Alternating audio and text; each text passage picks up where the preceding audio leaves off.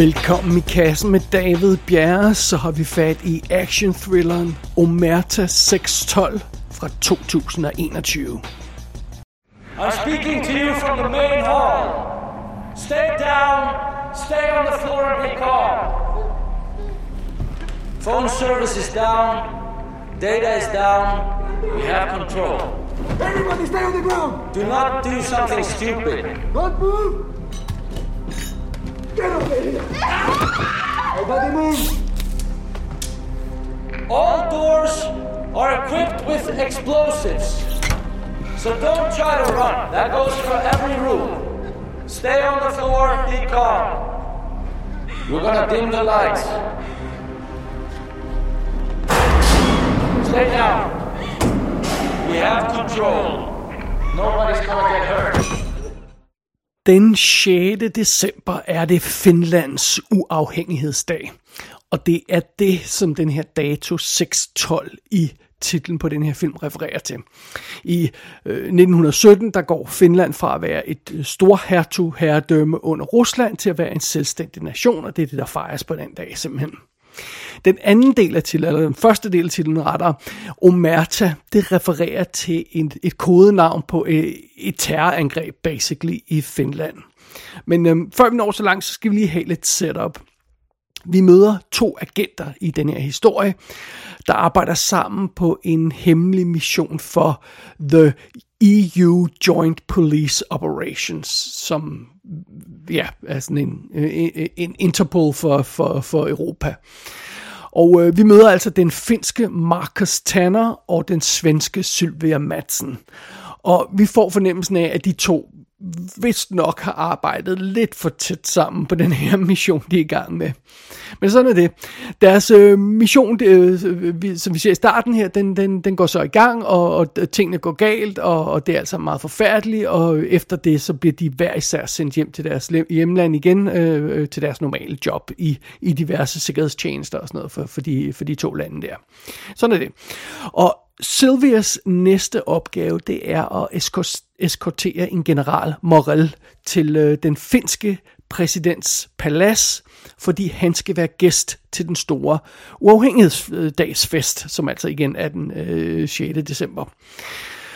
Og samtidig så ser vi altså en helt anden situation. Vi møder øh, den lidt uheldige Vasa Jankovic, som, øh, som som har nogle pengeproblemer, og som har en far, der sidder i fængsel og sådan noget, og, og han får simpelthen et tilbud, han ikke kan afslå. Der er nogle skumle bagmænd, der beder ham lede et angreb på netop det her arrangement på præsid- ved præsidentens palads. Og kodenavnet for teamet, der skal lave den her operation, det her terrorangreb, det er Omerta. Og så har vi simpelthen setupet for den her film. Uh, vi, er, vi har altså den her uafhængighedsdagsfest, som, som foregår i december, og så har vi de her terrorister, der slår, slår til midt i det hele, og, og angriber den her, øh, det her præsidentens palads og tager alle de her gæster som, som gisler. Og Sylvia, øh, den, den ene af vores agenter der, hun er så blandt de her tilfangetagende, fordi hun er bodyguard hos, øh, øh, for, for, for ham der, øh, den her general, som hun skal passe på, og, og, øh, og så er fidusen, at man, den her situation skal selvfølgelig behandles på en eller anden måde, som man tilkalder en, en, en gut, der skal forhandle med, med de her gisler, og, eller med terroristerne om gislerne, og hvem er det, man tilkalder? Jamen, det er selvfølgelig Marcus Tanner, og så er de to agenter, vi mødte i, i starten, i spil igen i den her film. Og øh, ja, jamen, øh, øh, det, det er simpelthen setupet for den her film. Der er nogle skumle kræfter, der har sat gang i den her operation, der nu resulterer i, at den øh, finske præsident er gissel i sit eget palads. Og øh, så har vi vores held Marcus Tanner, der skal forsøge at stoppe dem. Og, og mens så er der et hav af folk fra forskellige steder i Europa, der sådan ligesom trækker i trådene behind the scenes. Og de har alle sammen deres egen dagsorden der ikke nødvendigvis indebærer, at alle gislerne kommer ud i live. Og det er selvfølgelig noget, Marcus øh, ikke er interesseret i at følge, fordi hans øh, babe, der Sylvia, hun er jo så blandt de her gisler. Ja, det er simpelthen plottet i Omerta 612. Og filmen, den er jo altså en finsk produktion med finske kræfter bag kameraet, og så er der øh, alle mulige europæiske kræfter foran kameraet. Altså, øh, der, der bliver talt alle mulige sprog, og der er alle mulige nationer med, øh, når det gælder skuespilleren. Men øh, ja, der er altså en del finske navne, og så må man lige tilgive mig her, fordi instruktøren han hedder Aku øh, Lohimis, eller sådan noget i den stil der. han, øh, han har også instrueret afsnit af tv-serien Rik 45 som, øh, som vist også er sådan en international og europæisk produktion. Og så har han lavet øh, 2017-filmen The Unknown Soldier. Og øh, fidusen er med den her film, der har været et par andre finske instruktører på før, som simpelthen har, der var en, der, der var, der var øh, forlod produktionen før den overhovedet gik i gang, og der var en, der forlod produktionen efter et par ugers optagelser. Jeg kender ikke så meget til detaljer omkring de historier, men, men øh, vores kære Akku her, som er instrueret, øh, han, han var altså ikke første, første bud på, på instru- instruktørposten der, men øh, sådan er det. Alright, fair enough. I hovedrollen som Marcus Tanner, vores held, der har vi Jasper Pakkunen, og øh, ham har vi haft i kassen før, fordi han er med i både Black Clansman og The Five Bloods, og så har man muligvis set ham i øh, tv-serien, der hedder Vikings. Så det. Som øh, Sylvia Madsen, den øh, heldinde, som er en smuk sort pige, der har vi øh, Nana Blondell, og, øh, og hun har været med i Netflix-filmen øh, Red Dot, så dukker, dukker hun også åbenbart op i uh, Black Widow, og så har hun lavet en masse svenske tv-serier, som, som jeg ikke lige er faldet over ellers. I, øh, i øh, uh, skurkerollen, om jeg så må sige, ham der, den her gut, uh, Vasa Jankovic, der bliver hyret til at være, som er svensker, som bliver hyret til at lede den her operation, der har vi Sverige Gudnason, som uh, vi også har haft i kassen før, fordi han er med i Call Girl, fra, Fortuna fra 2012, og han spil, det er ham, der spiller Bjørn Borg i øh, Borg McEnroe-filmen. Og, og så er han i øvrigt også med i The Girl in Spider's Web, så ham har man muligvis også stødt på før. Derudover så møder vi sådan noget som Kathy Belton, der spiller Marie Leclerc, som er øh, bossen i det her Europoliti så det vil sige, at hun er, er vores held og heldindes boss, når de bliver hyret til europæiske missioner, men ellers er hun ikke deres boss til hverdag. Øh, og den her skuespillerinde har man muligvis set i sådan noget som Philomena, og hun er rent faktisk også med i den tv-serie, der hedder Miss Scarlet and the Duke, som jeg har snakket om tidligere i, i Kassen Talks, som, øh, som der snart kommer en anden sæson af. Øh, derudover så møder vi altså en skummel bagkvinde, der, der, der hende, der hyrer øh, vores øh, skurk til, til, til at styre den her operation. Anja hedder hun, spillet af Nika Savolainen, eller sådan noget den stil der. Hun har været med i tv-serien Thin Ice. Jeg er ikke helt sikker på hendes nationalitet, øh, men sådan er det.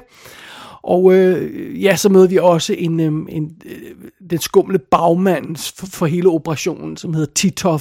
Han bliver spillet af Johan øh, Ulsak, som øh, apparently dukker op i Tenet, men jeg kan altså ikke lige huske ham fra den film. Og jeg kunne ikke lige finde noget screenshot, hvor han var med i, men han har også lavet en masse andre ting.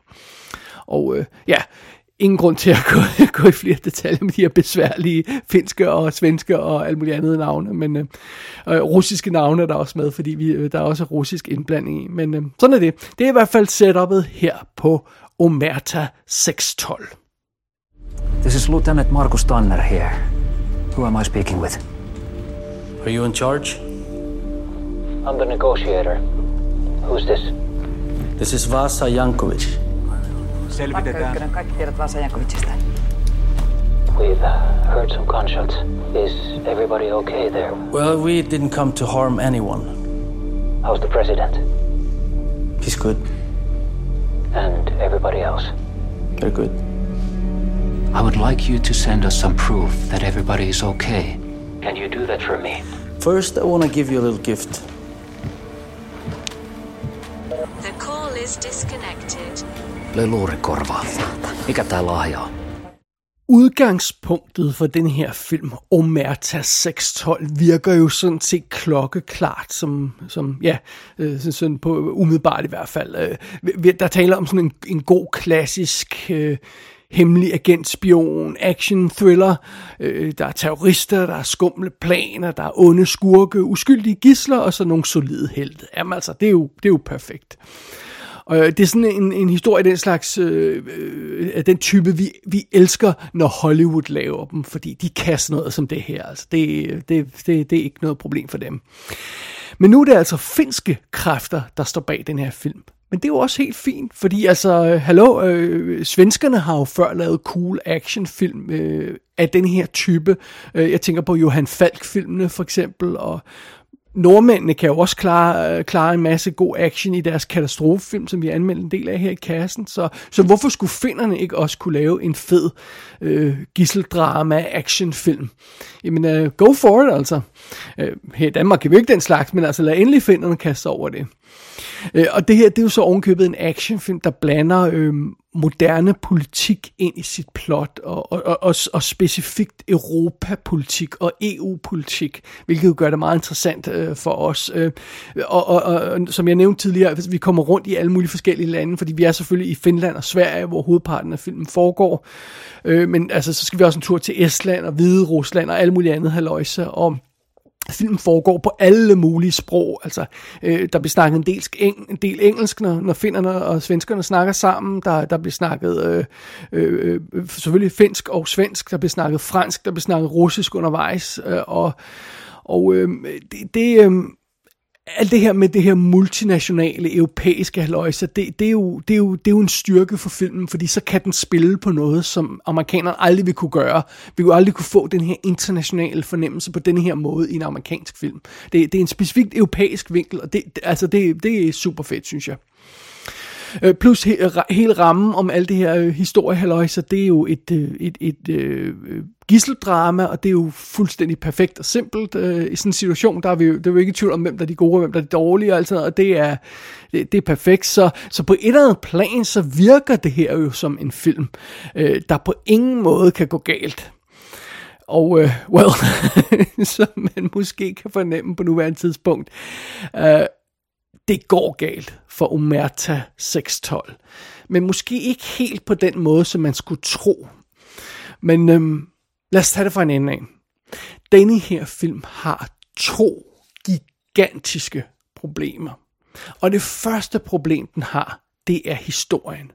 Fordi ja, plottet, som jeg beskrev det, og som man kan læse det bag på coveret af, af, af Blu-ray-coveret og på, på IMDb og sådan noget, det lyder jo simpelt. Jamen, øh, vi har den her gisselsituation på den finske uafhængighedsdag, og, og, og vi har en, en good guy, der arbejder udefra, og en, en, en, en good girl, der er fanget i situationen, og alt sådan noget. Og det, det lyder alt sammen som fint setup, som jeg nævnte tidligere. Men den specifikke situation, altså lige det der med gisseldramaet i den finske præsidents palads, lige præcis den situation, af, afgrænset af den bygning der, den udgør under en halv time af filmens næsten to timer lange spilletid. det, altså det, så det er ikke det plot, som sådan bliver beskrevet som, det er ikke det, den reelt leverer. For det første, øh, før vi kommer til den her gisselsituation, så skal vi altså have øh, etableret øh, karakteren, og det er sådan rimelig omfattende. Vi, vi møder de to helte, vi ser, at de gennemgår en operation, øh, og, og, og det, det, som jeg nævnte, det er den her operation, der går galt, så bliver de delt op og sendt hjem til hver deres lande. Den her operation, der sker en lille ting i den, der har relevant senere, men ellers er den nærmest fuldstændig irrelevant. Det er bare brugt til sådan at sætte op, hvad, hvad det er for et miljø, vi er i, og, og øh, så efter det, så bliver vi så introduceret til skurken også. Vi skal have hans omfattende historie med, at han besøger, besøger sin far i fængsel, der ikke er glad for ham, at han mangler penge og bla bla bla, og så bliver han hyret til det her. Altså meget omfattende. Vi møder også alle de øh, andre assorterede folk, altså vores hels øh, Marcus' chef, og det der Interpol-chef, og alt muligt andet haløjsa. Og, og efter alt det er sådan ligesom sat i spil, og efter det her, øh, vi, den her operation bliver sat i gang, så, så er det altså, at vi kommer til gisselsituationen i præsidentens øh, palads. Men den her situation slutter relativt hurtigt. Og så er vi ud af paladset igen, og så følger vi så, okay, gisselsituationen fortsætter lidt, for, øh, lidt, fordi vi følger skurkens flugt med nogle af gislerne, og, og det er altså meget dramatisk, og vores helt jæger dem og sådan noget. Men det, øh, det, det, det sender os i en helt anden retning, og vi ender i en hemmelig mission i Hvide Rusland, der involverer den her bagmand bag det hele, og en uautoriseret operation for at redde gisler og alt sådan noget der. Der slet ikke noget med det her præsidentpalads at gøre på noget tidspunkt. Det lyder som den her vildt simple contained historie, men vi er all over the place til det her plot. Og der er altså noget helt galt med den her films struktur, fordi i stedet for den her simple, fokuserede historie, som jeg synes pitchet lød som om den, øh, øh den her film vil levere. I stedet for det, så havner vi altså i sådan en overdrevet, snørklet plot. Og hvis jeg ikke vidste bedre, hvis jeg bare så på den her film og ikke vidste noget om den, så ville jeg tro, at det var en seks episoders miniserie, der var klippet ned. Simpelthen. Og øh, jeg kan læse på IMDb Trivia, at der står noget med, at der oprindeligt var to film planlagt og en miniserie. Jeg går ud fra, at det skal tolkes sådan, at den bog, som der vist nok ligger til grund for det her, kunne resultere i to film, og de to film kunne så klippes om og også bruges som en miniserie. For eksempel sådan, som man gør med mange danske film. Man, man laver en biografversion, så laver man en tv-serie-version af den også. Øh, jeg, jeg går ud fra, at det er sådan, det skal forstås. Men, øh, men det er ligesom uklart, og, og ligesom uklart, hvornår den plan blev droppet, om det var på manuskriptstadiet allerede, at man siger, nej, vi kan kun lave én film, eller om man lagde an til at lave to film, og så måtte ændre planen midt i produktionen. Det, det, altså, det, det er simpelthen ikke tydeligt for mig. Men et eller andet er der i hvert fald sket med det her materiale, fordi bare det, at, at de her klassiske punkter i sådan den, den klassiske treaktstruktur, de ligger underligt i plottet. Altså, de ligger simpelthen ikke, hvor de skal. Det fortæller mig, at der er rykket rundt på et eller andet, der er sket et eller andet, øh, og, og, og, og, og så, så det vi ser nu virker som om det kunne være en et forsøg på at redde det materiale, der så er, og, og få en film ud af det, mens det muligvis var tiltænkt til noget længere. Det er rent gæt fra min side, men det, sådan opfatter jeg det, når jeg ser, hvordan historien den udspiller sig i den her film. Men, men det er meget svært at vurdere, øh, øh, hvad der er gået galt, og hvorfor. Dels fordi der ikke er så meget information om det, og og de fleste websites er på finsk omkring den her film, men der er altså også andre ting i den her øh, øh film, Omerta 612, der, der bare virker som dårlig håndværk, og det gør så situationen kompliceret, så det er svært at vurdere, hvad, hvad der går galt hvornår. Altså for eksempel tages noget som, at der er en scene øh, i, i en øh, flugtbil, hvor øh, vi ikke får skud af, altså øh, der er ikke øh, billeder af, hvem der sidder på bagsædet. Så i den her flugtbil, så ved vi ikke, om der er gisler med i bilen. Vi ved bare, at bad guyen sidder på forsædet, så vi er i tvivl om, om han har gislerne med sig. Altså det, det er sådan en, en øh, det er sådan en simpel forståelsesproblem, øh, der kan opstå i sådan en scene, og det, det er jo sådan noget, der ikke gør det nemmere at overskue, hvad fanden er der foregår. Og, øh, der er også et moment, for eksempel, der, hvor vores øh, held, han, han løber afsted med kuglerne vidderligt flyvende om ørerne, øh, og, og på vej øh, væk fra noget. Og så bliver jeg klippet til sort. Og næste gang vi ser ham, så er han åbenbart okay, og, og er et andet land og sådan noget.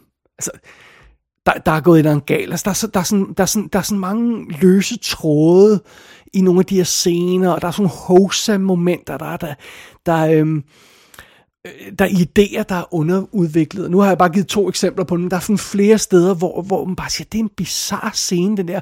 Mangler der noget, eller noget, den ikke er blive færdig, eller er den klippet ned? What's going on her? Og jeg synes også, det er påfaldende, at man, man starter filmen med at etablere de her to seje øh, helte og, helten og heldinden, øh, øh, Marcus og Sylvia, og, og, øh, og, og vi ser de seje, og det første, der sker, i, i, når den her gisselsituation går i gang, det er, at øh, Sylvia, hun er en af de her gisler, og så har hun ikke noget at lave. Og så må hun bare sidde der og være gissel.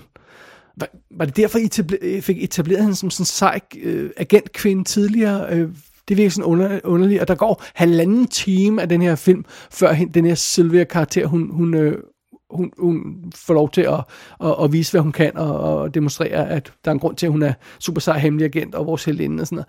Så det, det er underligt, og jeg synes også, jeg, jeg, jeg, også påfaldende, fordi da, da jeg sad og så den her film, der var der sådan lidt, øh, der sad jeg sådan og tænkte, wow, det, det er godt nok, øh, det går nok lang tid, de bruger for, for alt det her kørt i stilling, altså alle de her good guys og bad guys og bossen for det ene og den hemmelige mission og alt sådan noget. Det, det, det tager godt nok lang tid for den her film at komme i gang. Og så kiggede jeg på uret, og så var der gået 20 minutter. Og det er jo ikke lang tid. Altså, så det, det, siger, det, det vidner om, at der er et eller andet galt med den her måde, som den her historie udvikler sig på. Hvorfor fanden er det, at blot 20 minutters introduktion i en to timers film, det, altså, det kan man jo nemt leve med. Hvorfor er det, at det, det føles øh, virkelig langt? Og, ja, det er selvfølgelig på grund af nogle af de her problemer, jeg har nævnt i historien, men det er også på grund af et noget andet, og, og jeg, det er så det, jeg vil våge påstå, er filmens andet store problem, og, øh, og det er grænsen til bizart. Det andet store problem i Omerta 612 handler om følelser. Følelser og reaktioner, eller rettere mangel på samme.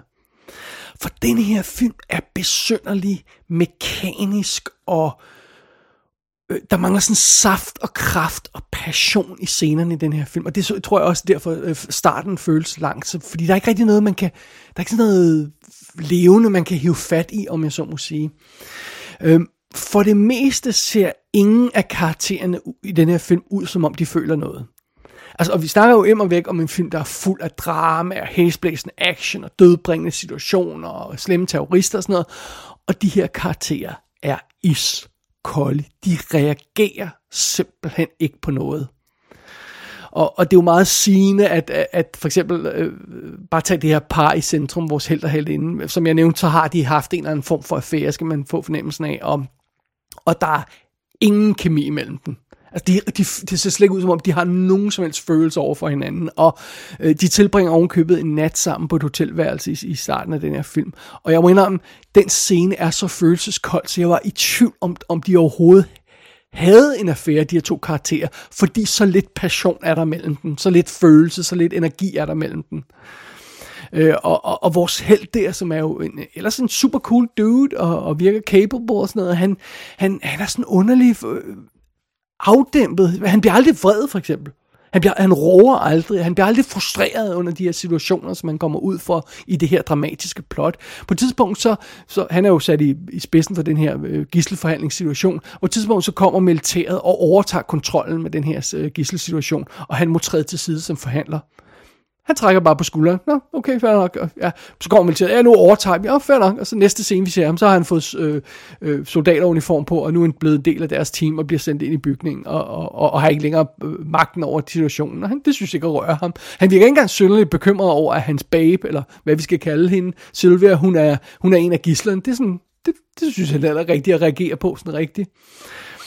Og, og skurken, som er vores gisseltager der, øh, han, er jo, han virker også sådan underlig øh, blottet for passion. Og det er også lidt sjovt, fordi man har placeret, placeret ham i den her situation, hvor det ikke er hans operation, han bliver hyret til den. Så han har faktisk ikke noget personligt investeret i den, i, i situationen her, i gisselsituationen. Han har ikke noget investeret i det, og så alligevel lidt har han, men, men det er sådan underligt, fordi han er så følelseskold. Og jeg, Altså, han behøver selvfølgelig ikke at grine manisk hele tiden, den her skurk, og, eller lege med sin mustache, sådan, oh, eller sådan noget.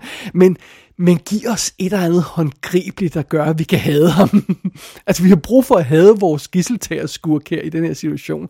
Øh, men nej, ham her, gutten her, som, som øh, var så der, så han, han virker som sådan en... Øh, en embedsmand, der har fået en lidt ubehagelig opgave, når nu skal han sørge for den her gisselsituation, øh, og tage de her folk som gisler, og det, ah, det skal jo gøres. Altså, det, er jo ikke en brugbar bad, øh, guy, altså. Og der udvikler sig selvfølgelig heraf, som følge heraf, at, at skurken ikke har nogen følelser, og helten ikke har nogen følelser, så udvikler sig heller ikke noget sådan drama og konflikt mellem helten og skurken. Altså, for ingen af dem gør noget, eller siger rigtig noget, eller reagerer rigtigt på hinanden, eller bliver sure på hinanden, eller frustreret. Altså, de her gisselforhandler, øh, telefonsamtaler, som de har i, i løbet af filmen, det, altså, hvis man bare hør, hørte dialogen og ikke vidste, hvad det var, de sagde, så vil man tro, de var ved at koordinere indkøb af kopipapir eller sådan noget. Altså, det er simpelthen så øh, passionsforladt, de der, de der samtaler, de har. Altså, øh, altså øh, øh, øh sidste gang jeg bestilte pizza over telefonen, øh, øh ville det jo nærmest, altså det ville lyde som en, en, en Shakespeare-tragedie af format, den samtale, jeg havde med pizzamanden, øh, ved siden af deres øh, øh, snak, øh, gisseltageren og, og, og forhand, gisselforhandleren der. Altså, det er det mest bizarre, jeg længe har set, den måde, den her film ingen følelse har på. Men, og man kan ikke engang undskylde det her med, når for eksempel det kunne være sådan noget, at det var sådan lidt, om, hvad, kunne det være David Mamet-stilen, hvor ingen rigtig, folk skal opføre sig sådan underligt og sådan noget. Øh, og de her de karakterer, de er jo fokuseret professionelt. Er det derfor, de ikke føler noget? Nej, for det første, fordi, fuck det, selvfølgelig skal, øh, skal helte og skurke i sådan en type film her føle noget og reagere noget, lige meget, øh, på noget, lige meget om de er professionelle ej, det skal de gøre. For det andet, øh, øh altså, øh, øh, det, altså, det er ikke kun helten og skurken, der ikke føler noget. Ingen føler noget i den her film. Altså, gislerne føler ikke noget. Præsidenten, der bliver taget som gissel, stenansigt. Ingen reaktion. Ingen reaktion på, hvad der sker med ham. Den her general, som, som Sylvia hun skal passe på, han får også stukket en gun i, i hovedet. Ingen reaktion. Og det, det er jo altså, altså, igen, der står jo altså de her terrorister, går vi ud fra, at de er, øh, med skarplatte maskinpistoler, og, og, og, og, og de stikker dem lige i snotten på de her gisler, og, og, og, og de, altså, de her gisler, de reagerer nærmest ikke. Det, altså, øh, øh, det ser ud som om, de er blevet tilbudt en gratis avis eller sådan noget. Det var sådan, nå, okay, okay, nej, nej, ellers tak. Øh, altså, det, det, det, det er så underligt, sådan kan, sådan kan man jo ikke bygge en film op, altså. Og, øh, når jeg, øh, øh, jo længere jeg kom i den her film, Omerta 612, jo mere fascineret blev jeg af det her øh, iskolde, bizarre univers, jeg var havnet i. Og jeg kunne ikke lade være med at overveje, om er det sådan her en film ville se ud, hvis den var skabt af en kunstig intelligens. altså sådan en kunstig intelligens, der blev bedt om at skrue et, øh, et thrillerplot sammen, men ikke havde nogen for, for, øh, former for relationer til, til, til menneskelige følelser. Så, det, så er det bare sådan en mekanisk historie, hvor folk bare sådan er puppets, der bliver bevæget rundt. Øhm, altså, maybe, jeg vil lige sige det, hvis, det, hvis, hvis øh, man brugte øh, kunstig intelligens til det, så er det næsten værre, end, at, end at hvis de, de forsøgte at starte 3. verdenskrig, fordi holy crap, øh, den her måde at ødelægge en film på, og dræne livet ud af en film, det, øh, det, det, det er nærmest ubehageligt at se på, og bizart, vildt, vildt bizart. Ja, ja, det er, jamen, det er, det er bare underligt det her, og, og som jeg sagde tidligere, det, det lyder jo som den perfekte historie, det her, som Omerta 612 har gang i. Øhm, et, et super clean øh, setup og øh, en super clean fokuseret historie kunne det sagtens blive, men i stedet for så råder den her film sig ud i sådan en dårligt defineret, dårligt fortalt, ineffektiv historie, der, der, der er overdrevet kompliceret, og, øh, og, og, og det, det hjælper selvfølgelig ikke. Og så er der det her... Øh, følelsesforladte noget der. Og, og, og det værste af det hele, man, man, man kan sidde og se på den her film, og så kan man sige, jamen egentlig så har den her film jo alt kørende for sig, fordi som nævnt, konceptet og historien virker fint, i hvert fald på papiret. Øhm, når det gælder action og visuals og fotografering og klipning og sådan noget, så bortset fra nogle af de her underlige ting, som jeg nævnte tidligere, så, så er den 100% funktionel. Altså i actionscenerne, det ser flot ud, det ligner en moderne actionfilm, og øh, i princippet virker karaktererne okay, altså de her to agenter fra hver sit land, der har en affære og mødes af og til de her hemmelige operationer, det er et meget sjovt øh, setup, og skuespilleren fejler som sådan heller ikke noget. Øh, så, så helt præcist, hvad er det, der er gået galt for den her film og i den her produktion? Det, det, det er godt nok spøjs, det kan jeg ikke rigtig gennemskue. Og måske er det, er det produktionshistorien, der forklarer, at den her film bare er endt, som den er endt. Altså det her med de skiftende instruktører, og måske har, de, har planerne været ændret undervejs. Altså man skyder to uger med en instruktør for en anden instruktør på, og måske er der planlagt to film, og det bliver til en film i stedet for. Så kan det godt være, at der går et eller andet galt, og, og det er svært for skuespillerne at, at få det her materiale til at virke, med. jeg ved det ikke. Det, det, det, må, det, må, være, det må være det, der er grunden til det. Jeg, men seriøst, jeg har aldrig nogensinde stødt på en film, der havde det her specifikke problem på den her måde. En total mangel på følelser i, i, øh, i karaktererne og i plottet og i filmen og sådan noget. Det er så bizart. Men, men øh, ja, lige meget hvad der sker for de her karakterer, så, så, så reagerer de altså ikke rigtigt på noget, der sker i det her plot, og det, det resulterer selvfølgelig i en ekstremt dårlig og dybt utilfredsstillende filmoplevelse. Og det gør jo altså også, at den her film, Omerta 612, den er umulig at anbefale. Jeg vil, jeg vil næsten hellere se sådan en trashy direct-to-video Steven Seagal actionfilm med sådan en overspillende bad guy og, og lidt for ivrige birolleskuespillere og sådan noget, fordi sådan en film kan, kan man i det mindste leve sig ind i på et eller andet plan, øh, og så kan man sidde og grine af den og sådan noget. Altså, man kan, man kan simpelthen ikke leve sig ind i Omerta 612, og der er heller ikke noget at grine af, så man sidder sådan en underlig, det, det, det er sådan en underlig kold oplevelse at sidde og se den her film, det er det.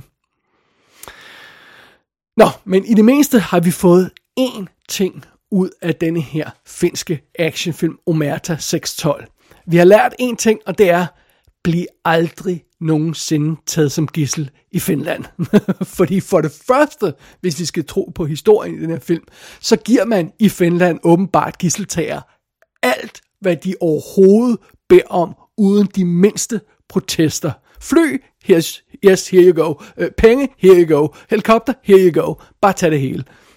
Så det, det er lidt bizart, så endelig bliver ikke taget som gissel. Og det andet, man selvfølgelig også skal, skal tage med i betragtningen, hvis man skulle havne i en gisselsituation i Finland, det er, at hvis der går noget galt under den her gisselsituation, og man bliver skudt, så er én ting garanteret, der er ingen i landet, der hæver så meget som et øjenbryn, og overhovedet reagerer på, at man lige har fået en kugle i hovedet.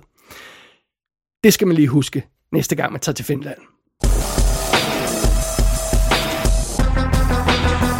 Omerta 612 er ude på DVD og Blu-ray. Der er intet ekstra materiale på, og der er ingen muligheder for delvis undertekster, så der er danske tekster på alt, eller slet ingen tekster på udenlandske sprog. Gå ind på ikassenshow.dk for at se billeder fra filmen. Der kan du også abonnere på dette show og sende en besked til undertegnet. Du har lyttet til I Kassen med David Bjerg.